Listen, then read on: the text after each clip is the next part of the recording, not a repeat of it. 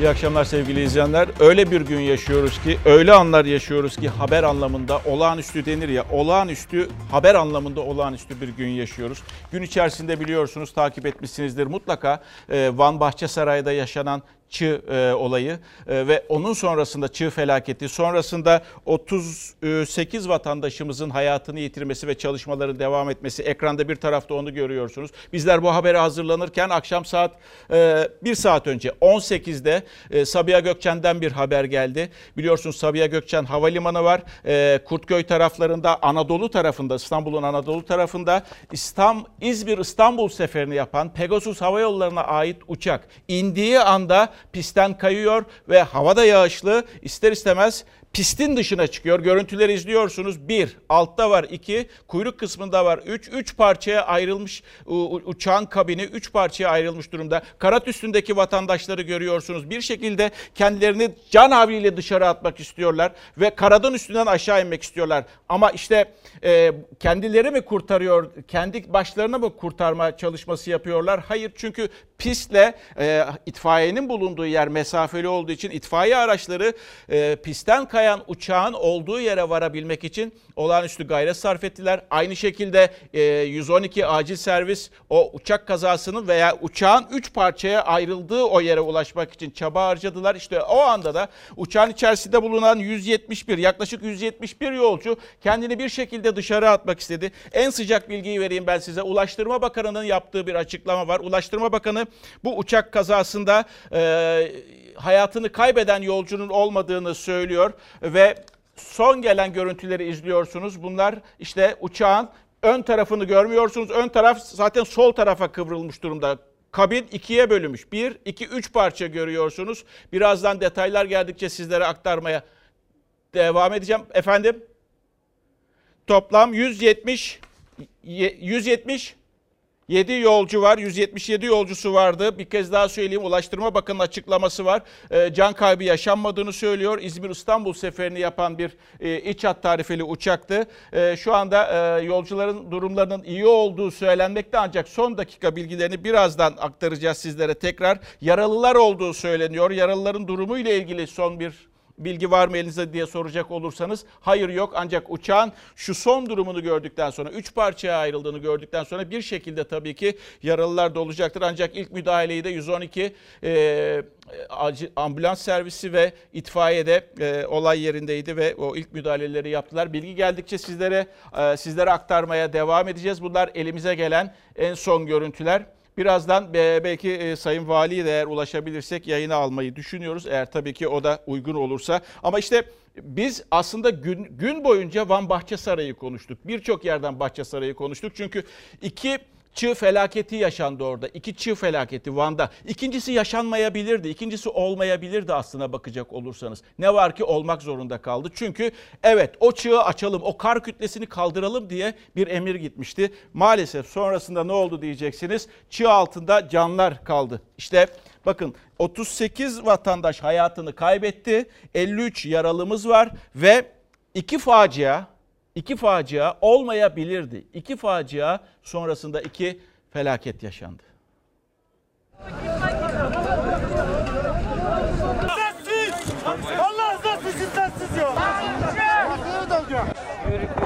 Felaket üstüne felaket yaşandı. Çığ altında kalanları kurtarmaya giden ekibin üzerine de çığ düştü. Van'da aynı noktada yaşanan iki çığ felaketinde 38 kişi hayatını kaybetti. Araba, araba, araba, araba. Beni dinlerseniz geri dönerim diye. Keşke dinleselerdi beni. Kimse dinlemedi kepçe operatörünü. Göz göre göre yaşanan ilk çığ felaketi salı günü öğleden sonra 5 sularında meydana geldi. Van Bahçesaray Karayolu'nun 3000 rakımlı Karabet geçidi yakınlarında iş makinesi operatörü Bahattin Karagül'le bir kazanın yer tespiti için yoldan geçiyordu. Operatör Karagül'le yolun çığ düşmesi sonucu kapalı olduğunu gördü. Zincir takmak için duran yolcu minibüsünün şoförünü uyardı. Tekrar çığ düşebilir dedi. Keşke dediğimi yapsalar da geri dönseler. Dönmek istemediler. İş makinesi kar küreme çalışması yaparken yeni bir çığ geldi. İş makinesi kısmen çığ altında kaldı. Arkasındaki yolcu minibüsü ise yamaçtan kopan kar kütlesiyle birlikte yaklaşık 40 metre yükseklikten aşağı sürüklendi. Karların içine gömüldü. Operatör yaklaşık 25 dakika sonra kendi imkanlarıyla aracından çıkıp yardım çağırdı. Çok şükür çıktım çıkabildim camı kırarak çıktım. Allah'tan ileride bir minibüs denk geldi. Ardından zamana karşı bir yarış başladı. Kar yağışı ve tipi yoğun şekilde devam ediyordu. Cep telefonları ise çekmiyordu. Kurtarma ekipleri minibüse 4 saat sonra güçlükle ulaşabildi.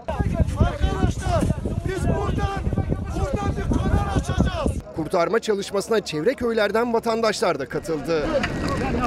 E, haberi alır almaz herkes eline küreğini, deneyini, çubuğunu, çişini alan arabasına bindi. Koştuk geldik buraya. Yolculardan 5'inin cansız bedeni çıkarıldı minibüsten. Operatörle birlikte 7 kişi yaralı olarak kurtarıldı.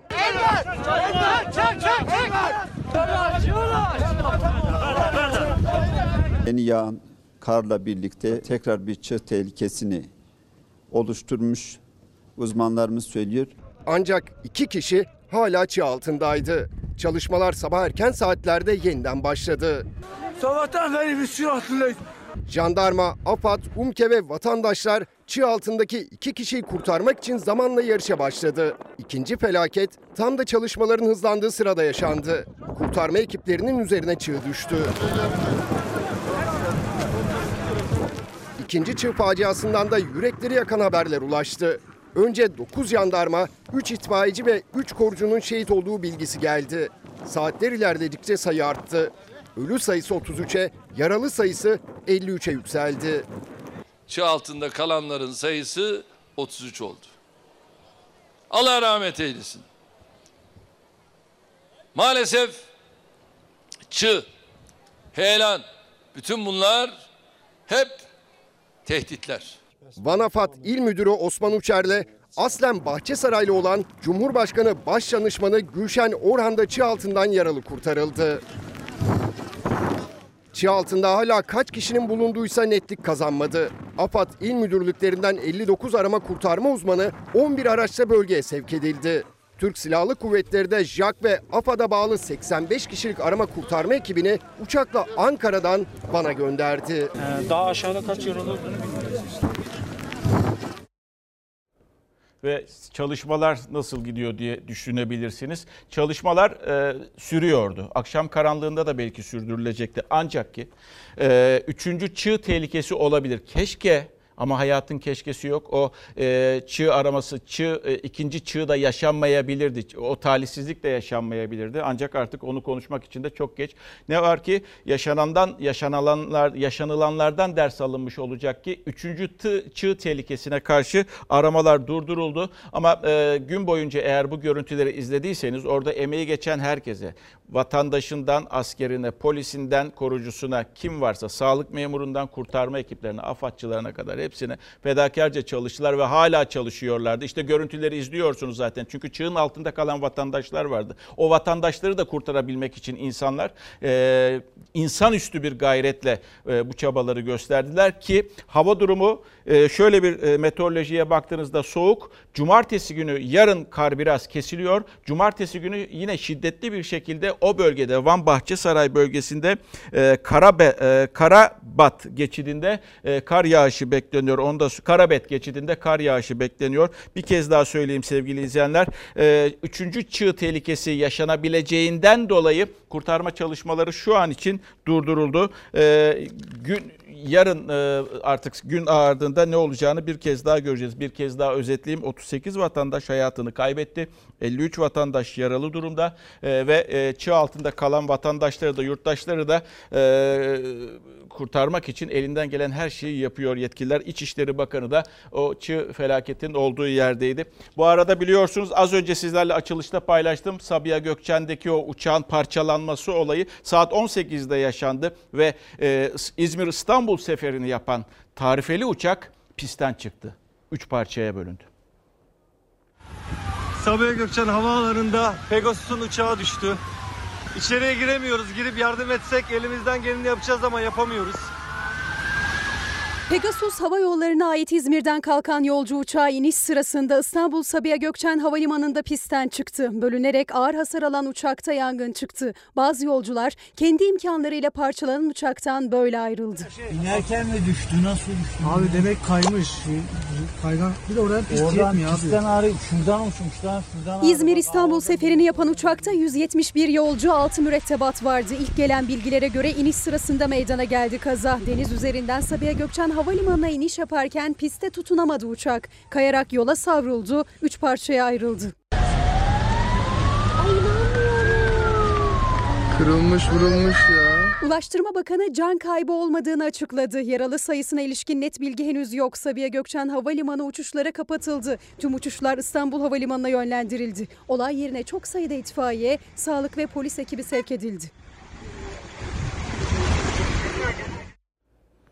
Ulaştırma Bakanı'nın o açıklamayı bir kez daha ben e, ileteyim sizlere. Çünkü e, yürekler ağza geldi ister istemez. Ulaştırma Bakanlığı'nın yapmış olduğu açıklama var. Uçak e, kazada e, hiçbir vatandaş hayatını kaybetmedi. Ancak yaralılar var. Yaralıların durumu ile ilgili çok net bilgimiz yok. Şu anda ekranlarınızı açtıysanız bir kez daha ben tekrar edeyim. Saat 18 civarlarında İzmir'den kalkan İstanbul'a inen Pegasus Hava Yolları'na ait uçak piste sert iniş yaptı ve sonrasında tabii e, son, bilemiyoruz artık o andan sonra yağmurlu hava veya pilotaj e, eksikliği veya hatası bilemiyoruz. Pistin dışına çıktı. İşte en yakın görüntüleri de sizlerle paylaşmaya çalışıyoruz şu anda. Üç parçaya bölündü uçak. E, baş kısmı sol tarafa doğru gitti. Orta gövde kaldı. Kuyruk kısmı kaldı. Bir de aş, aşağı kısım vardı. Sanki orası da parçalanmış gibi. İlk başta yurttaşlar kendilerini e, uçağın dışına attılar. Kanadın üzerinden aşağı inmeye çalışıyorlardı. Görüntülerden, acil çıkışlardan onu anlıyoruz. Sonrasında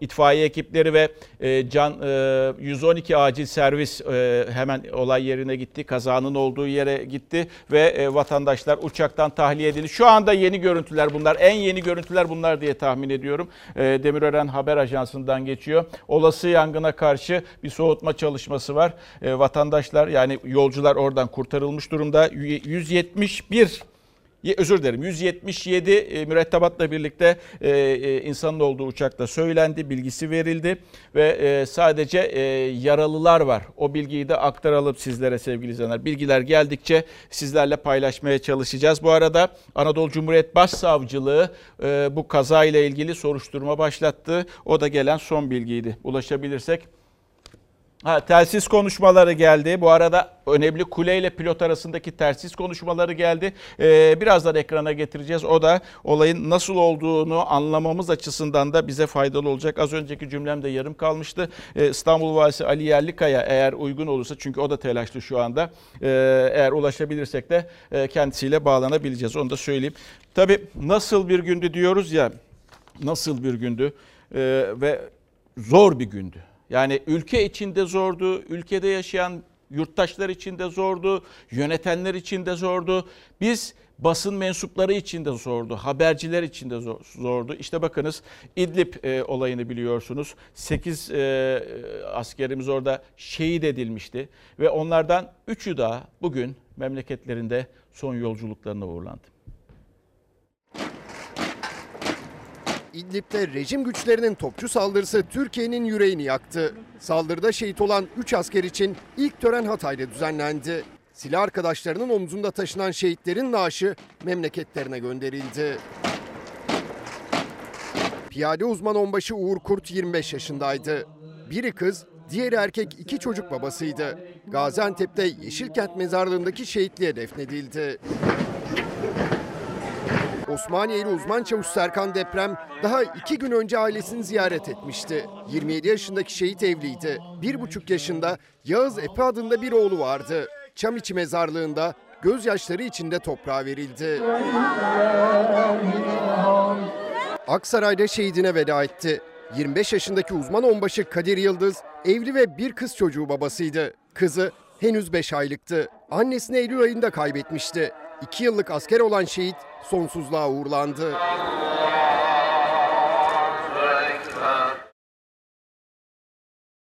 Ve Suriye meselesi aslında iki ülkenin arası daha doğrusu zaten aramız yoktu. Ancak iki ülke derken aslında Rusya'yı da katmak gerekiyor.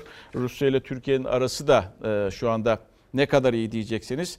Bundan 15 gün öncesine kadar iyiydi ama şu anda derece biraz daha düşmüş gibi. Karşılıklı konuşmalar var. Karşılıklı o telefon konuşmalarında artık ne söylendiğini tamamen bilmemiz mümkün değil. Ancak tansiyonu düşürmeye çalışıyor taraflar. Bu arada e, ba- Cumhurbaşkanı bugün grubundaydı. Grubunda partilere seslendi. Partilere seslenirken mesajlar da verdi. Mesajlar verirken süre de verdi. O süreyi kime verdi diyeceksiniz. Bir taraftan süreyi Esad'a verdi. Diğer taraftan süreyi Putin'e verdi. Şubat ayının sonunu gösterdi. Sürenin dolma vakti o. Diyeceksiniz ki ne süresi? O süre haberin içerisinde birazdan göreceksiniz onu. Ama diğer taraftan Amerika Birleşik Devletleri boşluk doldurmaya devam ediyor. İşte e, ABD Dışişleri Bakanı Mike Pompeo. Çok açık göz birisi. Cümlelerini dilerseniz öyle aklınızdan geçiyor. Vay açık göz vay diyorsunuz. Şubat ayı içerisinde rejimin gözlem noktalarımızın gerisine çekilme işleminin bitirilmesini umut ediyoruz. Rejim bu sürede geri çekilmezse Türkiye bu işi bizzat yapmak mecburiyetinde kalacak. Cumhurbaşkanı Erdoğan, rejime İdlib'de ele geçirdiği yerlerden çekilmesi için Şubat ayı sonuna kadar süre tanıdı. 8 şehit verilen saldırı sonrası Türkiye için Suriye'de yeni bir miladın başladığını söyledi. Bundan sonra vardığımız mutabakatların ihlali anlamına gelen hiçbir adıma göz yumayacağız. Madem İdlib bölgesindeki askerlerimizin güvenliği sağlanamıyor, öyleyse bunu bizzat yapma hakkımızı kullanmamıza kimse itiraz edemez. Cumhurbaşkanı Erdoğan çok sert konuştu AK Parti grup toplantısında. Türkiye'nin yeni Suriye stratejisini açıkladı. Ayrım yapmadan Suriye, Rusya ve İran'ı uyardı. Askerlerimize ve birlikte çalıştığımız dost unsurlara havadan veya karadan yapılan her saldırı kaynağın aidiyetine bakılmaksızın ve herhangi bir ikaz yapılmaksızın misliyle cevaplandırılacaktır. Türk Silahlı Kuvvetleri'nin hava ve kara unsurları ihtiyaç duyduğumuz her an tüm harekat bölgelerimizde ve İdlib'de serbestçe hareket edecekler, gerektiğinde operasyon yürüteceklerdir. Türk askerinin kanının aktığı bir yerde hiçbir şeyin aynı şekilde devam etmesine izin veremeyiz. Şam'a hedef alan Cumhurbaşkanı'nın Moskova ve Tahran'ın da mesajı vardı. Ankara'nın her şeyin farkında olduğunu söyledi. Rejim denilen kuklanın küçük bir hizip dışında kendi ülkesinde herhangi bir karşılığı yokken suni solunumla yaşatıldığının farkında olmadığımız mı düşünülüyor? Cumhurbaşkanı Erdoğan dün akşam Rusya lideri Putin'le yaptığı görüşmeden bahsetti. Türkiye'nin İdlib'de kurduğu iki gözlem noktasının rejim hatları gerisinde kaldığını belirtti. İdlib'de rejimin bir an önce Soçi mütabakatı sınırlarına yani gözlem noktalarımızın gerisine çekilmesini dün akşamda Sayın Putin'le yaptığım görüşmede ifade ettim. Rusya'dan tek beklentimiz Suriye'deki hassasiyetlerimizi daha iyi anlamasıdır. Cumhurbaşkanı rejime Şubat sonuna kadar süre verdi. Yoksa bunu biz yaparız dedi. Hedefinde sadece Şam rejimi yoktu. Fırat'ın doğusundaysa Washington'a yüklendi. Onların düşmanı kim? Türkiye. Onların derdi acaba biz bu PYD'yi, YPG'yi yani PKK'yı daha fazla nasıl silahlandırırız? Öyle silahlandıralım ki bunlar Türkiye'ye karşı orada ayakta durabilsinler. Dertleri bu.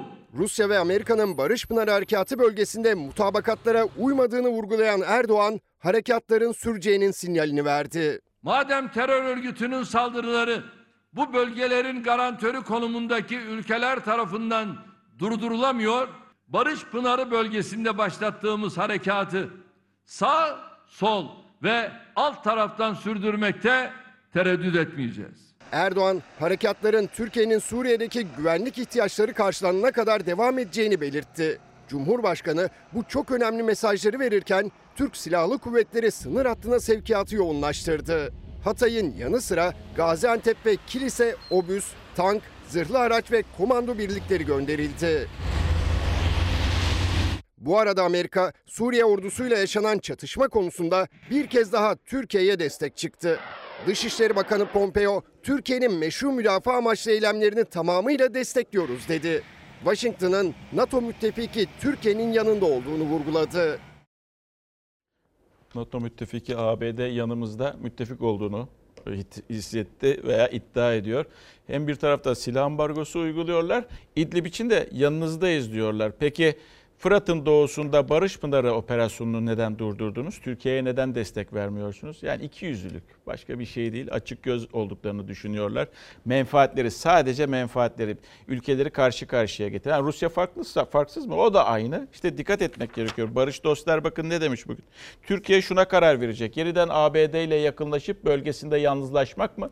Bölge merkezli bir dış politika izleyip bunu yaparken ekonomisini, toplumsal bünyesini, ulus ve yurttaş kimliğini güçlendirip istikrar unsuru olmak mı? Kimseye aslında çok fazla güvenmeyeceksiniz. Ne ABD'sine ne de e, Rusya'sına. Bu arada tabii e, bunun e, siyasi yansımaları da var Türkiye'de. Çünkü dün muhalefetin eleştiri, eleştirileri vardı. Bugün de Cumhurbaşkanı kürsüdeydi grubunda o sesleniyordu. Şöyle bir baktığımızda aslında ana muhalefet partisiyle Suriye'de ayrı düşünüyorlar. Suriye'de ayrılıkları var. Ama Kudüs noktasında daha doğrusu Trump'ın açıklamış olduğu o 100 yılın sözde 100 yılın barış planı, e, planında Kudüs'te ortak sözler yükseliyor. Suriye'deki gelişmeler bizi hem İdlib'de hem de tüm sınır hattımızdaki güvenlik stratejimizde değişiklik yapmaya mecbur bırakmıştır. Dostum siyasetinle bizi soktuğun bataklıktan memnun musun? Eğer pimpon topu gibi Amerika ile Rusya arasında gidip gelirseniz iki tarafta sizi kullanmaya kalkar. Her kim Türkiye'nin Suriye'de ne işi var diye soruyorsa bilin ki ya gafildir ya da taammüden bu ülkenin ve milletin hasmıdır. İdlib'de 8 şehidin ardından muhalefet iktidarın politikasını sert eleştirdi. Erdoğan Türk Silahlı Kuvvetleri'ne her türlü harekat ve operasyonun önünü açan yeni yol haritasını açıkladı. İktidarın da muhalefetin de söylemi değişti. Her saldırı kaynağın aidiyetine bakılmaksızın misliyle cevaplandırılacaktır. Samimiyetten uzak Türkiye iç kamuoyunun tepkilerini dindirmeye yönelik bir meseledir. İçeride aslan, dışarıda kedi olmaktan vazgeçin. 28 gün daha süre vermiş. Rusya ile bu kadar can ciğer kuzu sarması olduğu dostum Putin dediği şeyde koordinatlarını verdiğimiz konvoy vuruluyorsa Recep Tayyip Erdoğan bunun hesabını bu millete vermiyorsa bunun hesabını bu millet ondan sorar. Yeni politikada muhalefetin yakın takibinde. Akşener Türkiye'nin daha şahin politika izlemesini isterken Kılıçdaroğlu İdlib'de gözlem noktalarındaki askerin güvenliğini sağlayacak adımların atılmasını, yeni ateşkes hattı belirlenmesini de öneren 5 teklif sundu. Erdoğan Kılıçdaroğlu'nu önceki sözleri üzerinden hedef aldı. Ne işimiz var orada diyor Bay Kemal. Bay Kemal misak-ı milliğinin altında kimin imzası var? Önce onu bir araştır. Hep diyorsun ya CHP Atatürk'ün partisidir. Ama sen kimin partisi olduğunun bile farkında değilsin. Suriye konusunu yıllardır dile getiriyorum. Siyasetçiler dış politika konusunda cümle kurarken boğazında dokuz boğum olması lazım. Asarım keserimle bu işler olmaz. Sınırlarımıza doğru harekete geçen kişi sayısı 1 milyona yaklaştı. Kimsenin böyle bir yükü omuzlarımıza yüklemeye hakkı yoktur. Şam'la doğrudan diyalog kurulmasına bu aşamada hayır. Türkiye'ye verilen ciddi bir zarar var. Şehitlerimiz var. Bu affedilecek bir olay değil. CHP Esad yönetimiyle diyalog kurulmasında frene bastı. İktidarla muhalefet Suriye politikasında ayrışırken Amerika Başkanı Trump'ın Kudüs ve İsrail için açıkladığı sözde plana karşı birleşti. Bu bir barış değil, işgal ve ilhak planıdır. Bu işgal planında da Filistin hiç yok. Trump bu işgalcilerin arkasında duruyor. Bu bir savaş anlaşması. Bir devleti yok etme anlaşması. Kudüs'ün tamamını İsrail'e verme anlaşması. Amerika gerek şahsıma gerek istihbarat başkanıma yönelik tehditler sallıyor. Ve Türkiye'deki bazı finans kuruluşlarını da tehdit altına alıyorlar. Ne yaparsanız yapın başaramayacaksınız.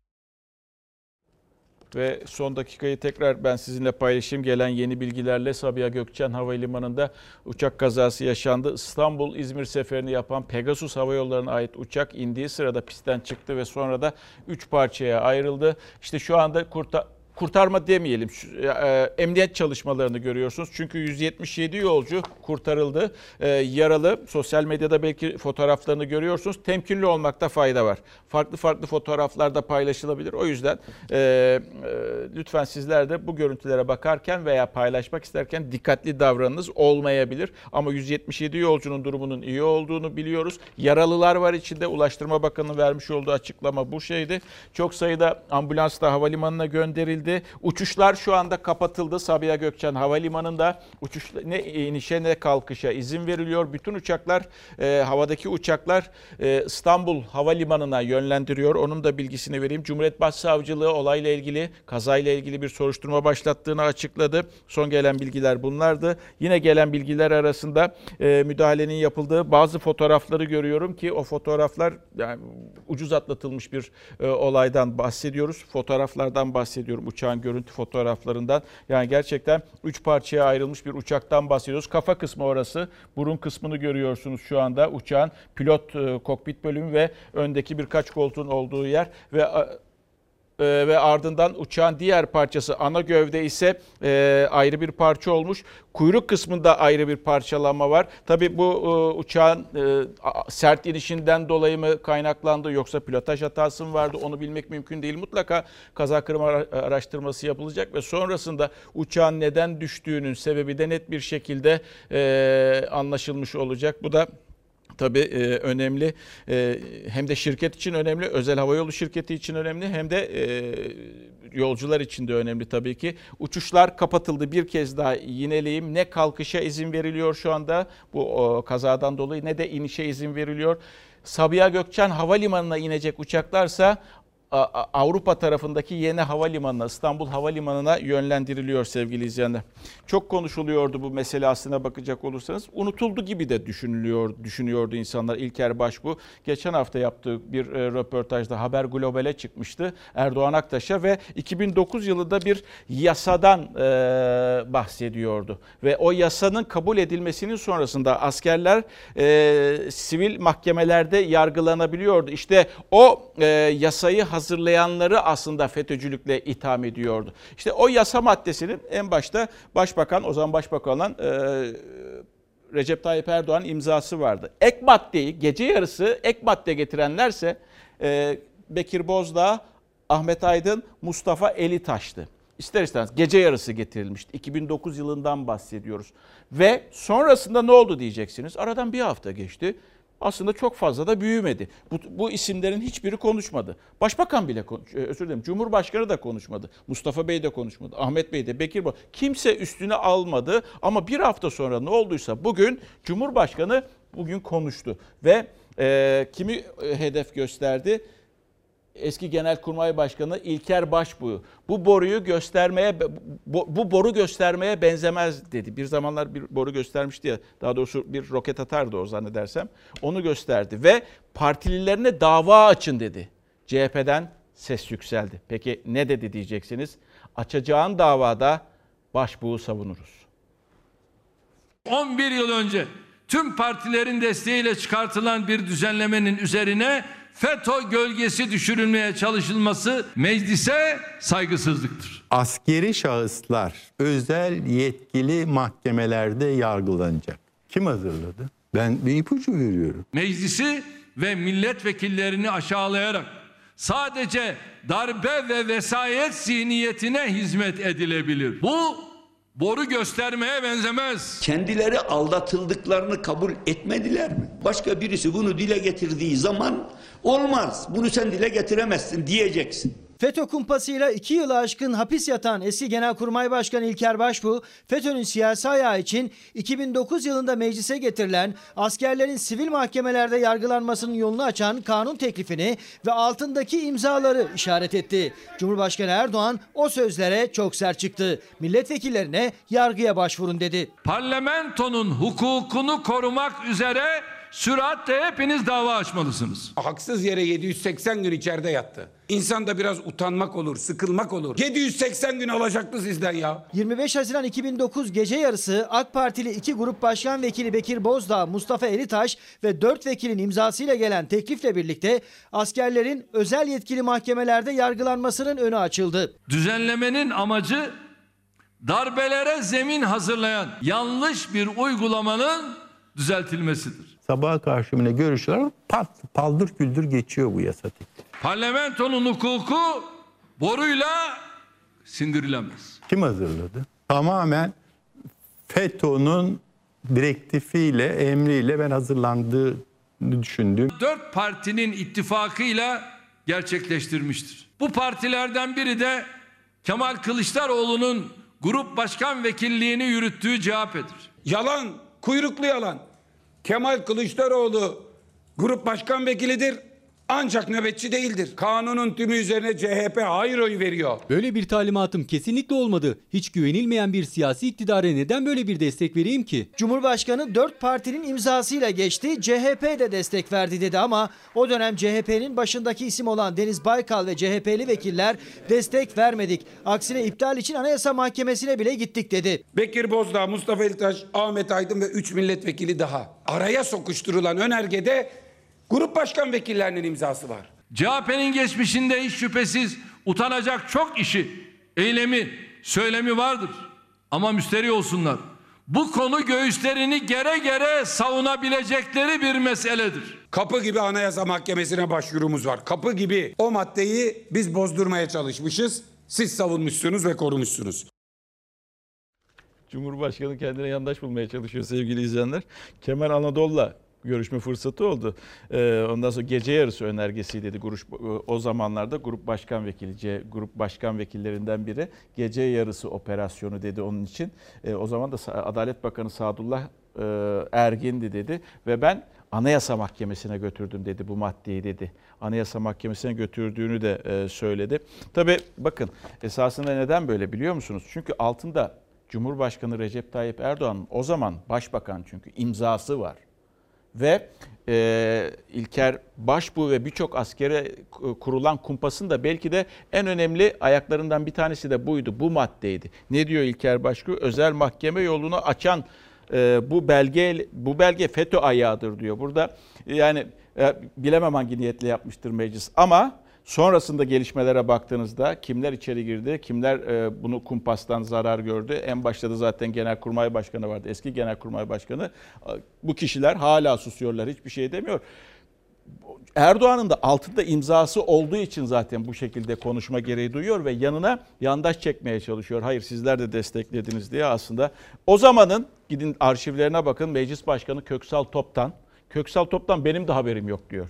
Gidin bakın arşivlerde mutlaka çıkacaktır. Bugün yarın çıkar. Benim de haberim yoktu bu önergeden diyor. Yani öyle geçirmişler. Beyefendiler hala daha susuyor. Susmaya da devam ediyorlar. ediyorlar. Geldik. Şimdi ne gidiyoruz? Ne gidiyoruz? Verin. Neden durduk? Heh. Şimdi bu da çok konuşulan bir olay. Kızılay meselesi. Biliyorsunuz Kızılay meselesinde işte e, e, Başkent Gaz yani Torunlar e, grubu gidip de Ensar'a e, bağışını yapmıyor. Arada Kızılay'ı kullanıyor. Kızılay üstünden Ensar'a bağış yapılıyor. Sonrasında da işte Türken diye bir yurt dışında grup var, e, vakıf var. Bu Ensar'la Türgev'in birlikte ortak kurulduğu bir grup. Oraya para gönderildiğini söylüyorlar, iddia ediyorlar. Tabi bunun tartışması nerede yaşandı diyecek olursanız Türkiye Büyük Millet Meclisi'nde. Başkent Gaz bu parayı doğrudan Ensar Vakfı'na da yapsa, Kızılay'a da yapsa devlete verdiği vergide bir değişiklik olmamaktadır. Aklımızda alay etmeyecek bir kişi. Bu firma neden doğrudan Ensar'a değil de Kızılay'a yollayıp iki gün sonra bu parayı Ensar'a aktartılıyor? Buna bir mantıklı açıklama getirebiliyor musun?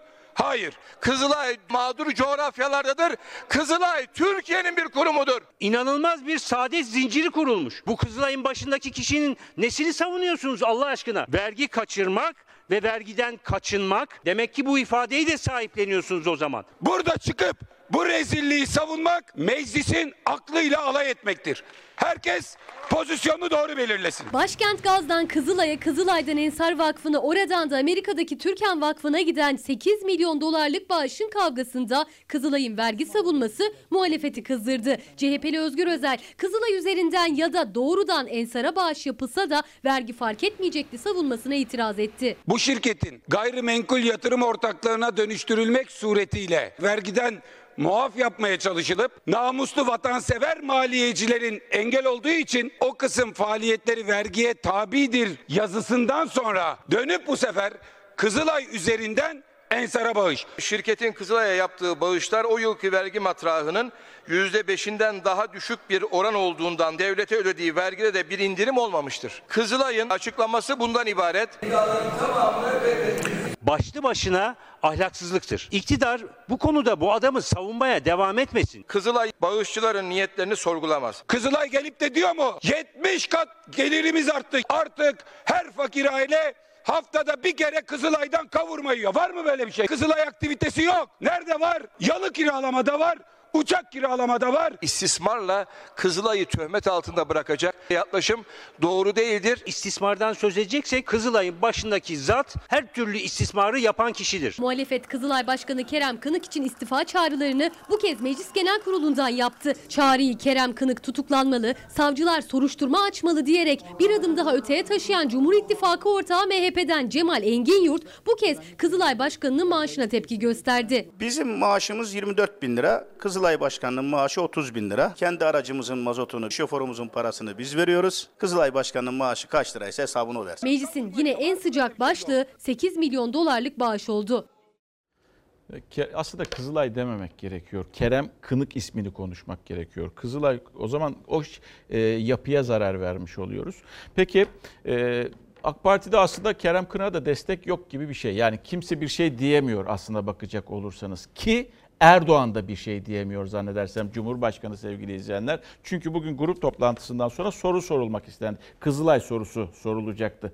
Yardımcısı veya ne deniyor oraya? İletişim Dairesi Başkanı Fahrettin Altun asla Kızılay sorusu sormayın dedi. Soru sorulmadı. Amerika'daki temsilcimiz bu konuyu araştırıyor. Gerçekten böyle bir para geldi mi Türkan Vakfı'na? Böyle bir para şimdilik görünmüyor. Bu meblağ inşaatın yapım süreci doğrultusunda yüklenici firma hak edişlerine göre peyderpey Türken Vakfı'na gönderilmiştir. Kemal Kılıçdaroğlu başkent gazın bağışı 7 milyon 925 bin dolar Ensar'ın ortak olduğu Amerika'daki Türkan Vakfı'nın hesabında görünmüyor dedi. Ensar Vakfı 4 banka dekontu yayınladı. Ensar'ın iddiasına göre 2017'nin son günlerinde bağışlanan para 4 taksit halinde 2018 ve 2019 yıllarında parti parti aktarılmış. Amerika'daki kayıtlara göre aktarılan bir şey de yok. Peyderpey parça parça dekont gösteriyorlar. Bu yapılan işin ne olduğunun enine boyuna araştırılması lazım. Kurban parası toplarsınız. Kurban kesmezsiniz. Millet yurt dışına para kaçırır. Transfer komitesi gibi hareket edersiniz. Ondan sonra bu milletten depremin olduğu gece Twitter üzerinden yardım edin diye yardım istersiniz. Bu millet size bırakın yardım su bile vermez vallahi. Manhattan'da yurt yapıyorsun. Ne yurdu ya?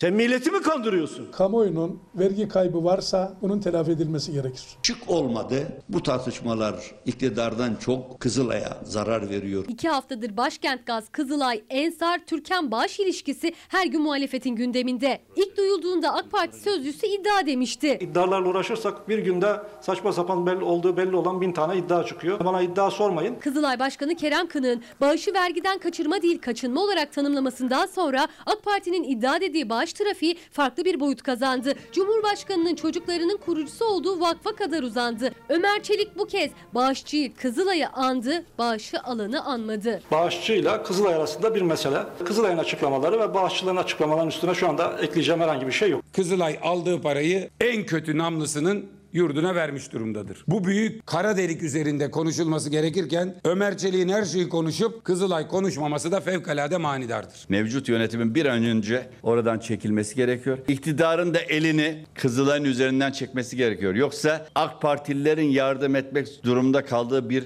kuruluş haline gelir. Muhalefet bir kez daha eleştiri oklarını yöneltti. İktidar cephesi ise tartışmalara mesafe koydu. Ömer Çelik de konuşmuyor. Zaten Cumhurbaşkanı da konuşmuyor. Bugünkü o anı anlatmam gerekiyor size. Meclis grup toplantısı bitmiştir. Cumhurbaşkanı kulise çıkıyor. Ee, işte gazeteciler soru soracak. Fahrettin Altun geliyor. Diyor ki gazetecilere soru soru almıyoruz diyor. Kızılay sorusu da sorulacak bunu e, bu arada tabii ki. Kesinlikle diyor soru almıyoruz diye ikinci kez geliyor. Ondan sonra üçüncü kez geliyor. Yanınıza gelse bile soru sormuyorsunuz diyor. Bakın. Yanınıza Cumhurbaşkanı gelse bile soru sormuyorsunuz diyor. Cumhurbaşkanı gazetecilerin yanına gidiyor. Diyor ki nasıl gördünüz beni? İyi misiniz diyor. Nasıl gördünüz beni? İyiyiz diyorlar. Siz nasılsınız diyorlar. Ha bir soru soruyor. Siz nasılsınız sorusu soruyorlar. Ondan sonra Fahrettin Bey geliyor. Teşekkür ediyor soru sorulmadığı için. Böyle bir ülkede yaşıyoruz. E, normal zaten yani. Çok da fazla söylenecek bir şey. Uçakta bile sorulmadı ya o soru. İleri demokrasi diyoruz ama sonunda ünlem işareti var. Geldik. Geldik.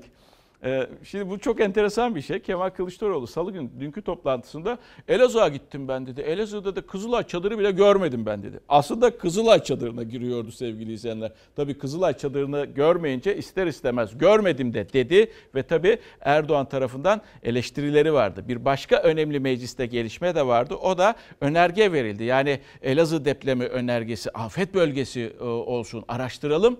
O da İktidar Partisi AKP ve ortağı MHP'nin oylarıyla reddedildi.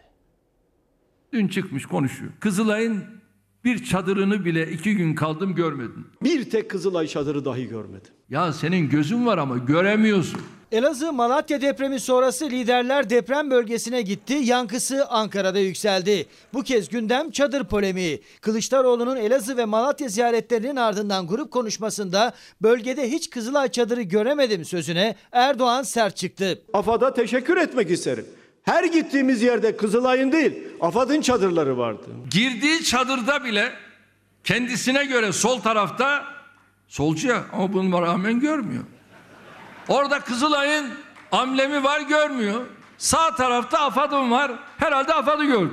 Cumhurbaşkanı CHP liderinin ziyaret görüntüleri üzerinden eleştirdi. Gözü var görmüyor dedi. Sözü Elazığ ve Malatya'ya getirdi Erdoğan. AK Partili vekillere yardım çağrısı yaptı. Yardım kampanyasına AK Parti grubu olarak biz de en güçlü biçimde destek vereceğiz. Milletvekillerimizden bin liradan az olmamak üzere açılan bu hesaba 21 Şubat Cuma gününe kadar katkıları yapmalarını bekliyoruz. CHP'de 6.8 ile sarsılan Elazığ'ın afet bölgesi ilan edilmesi için meclise önerge verdi. O önerge AK Parti ve MHP'li milletvekillerinin oylarıyla reddedildi. Arkasında yükselen alkışlar muhalefeti kızdırdı.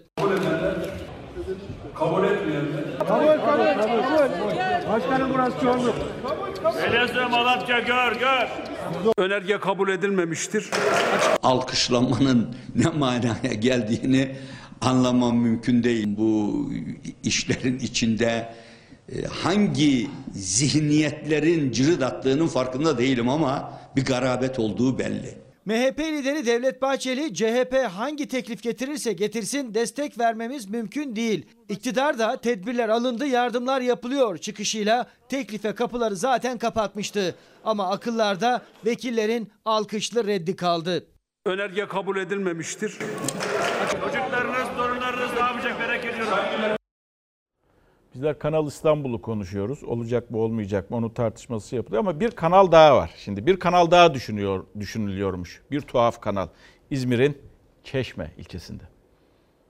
Burada bizim 6 dönümlük bir arazimiz var. Denize sıfır. İşte bu arazinin bir gün e, imar gelip buralarda da sörf okullarının ve sörf turizminin aynı zamanda balıkçılık turizminin e, yaygınlaşacağı günleri beklerken e, bu acil kamulaştırma haberini aldık. Çeşme Alaçatı'daki arazi sahipleri aldıkları kamulaştırma haberiyle şaşkına döndü. Birkaç gün sonra da yıllardır doğal sit alanı olduğu için bir çivi bile çakamadıkları arazilerin üzerine hazırlanmış bir proje ortaya çıktı. İçinde 800 yatlık 3 marina, golf sahaları, otel ve eğlence merkezleri var. Ama asıl önemlisi ve tartışma yaratan Kanal İstanbul gibi bir de kanal. Acele kamulaştırma kararının ardından orta ortaya atılan söz konusu projede tıpkı İstanbul'da yapılması planlanan Kanal İstanbul projesi gibi Çeşme'ye de bir kanal yapılacağı belirtiyor. İşte projede kanalın başladığı nokta Alaçatı'daki bu alan ve buradan devam eden kanal Mersin limanında sona eriyor. Bir gemi geçebilecek genişlikteki kanalın bitiş noktası yine Alaçatı'ya bağlı Mersin Liman bölgesi. İşte Alaçatı'dan başlayan kanalın yarımadanın diğer tarafında sona ereceği yer hemen arkamızda bulunan Mersin Körfezi. Bizim şu karşıdaki arazimiz Zin hemen önünden kanal geçiyor. Bizim arazimiz o projeye göre golf alanı olarak belirtilmiş. Diğer taraftaki arazimiz de konutlar, villalar. Bütün bu kumluğu kazarak, bütün o balıkların yumurtladıkları ve kaççıların sörf yaptıkları yerleri kazarak bir kanal açmayı düşünüyorlar. Mersin limanındaki tekneler buraya gelsin diye. Çok manasız.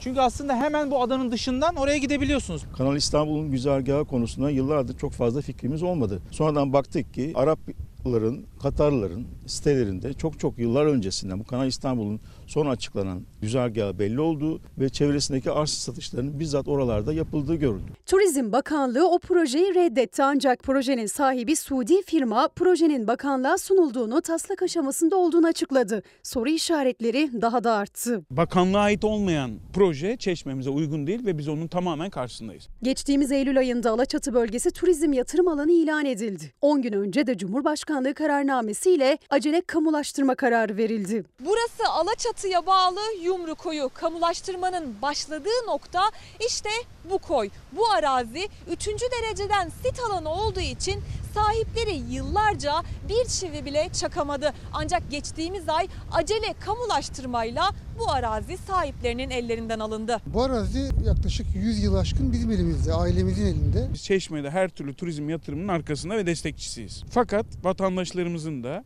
mülkiyet haklarının gasp edilmesine, ham yapılmasına karşıyız. Burada bir yeri kamulaştıracaksan daha önceden planlamasını yap ki bizim e, tarlalarımızın, ata topraklarımızın değeri çarçur edilmesin.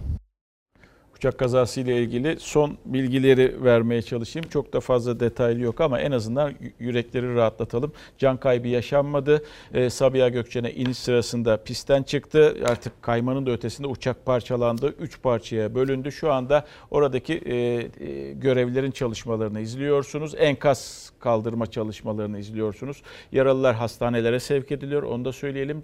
E, Cumhuriyet Başsavcılığı açıklamasını yaptı. E, inceleme başlatılacağını söyledi ve 177 yolcunun e, sağlık durumları iyi. Sadece yaralılar var içlerinde.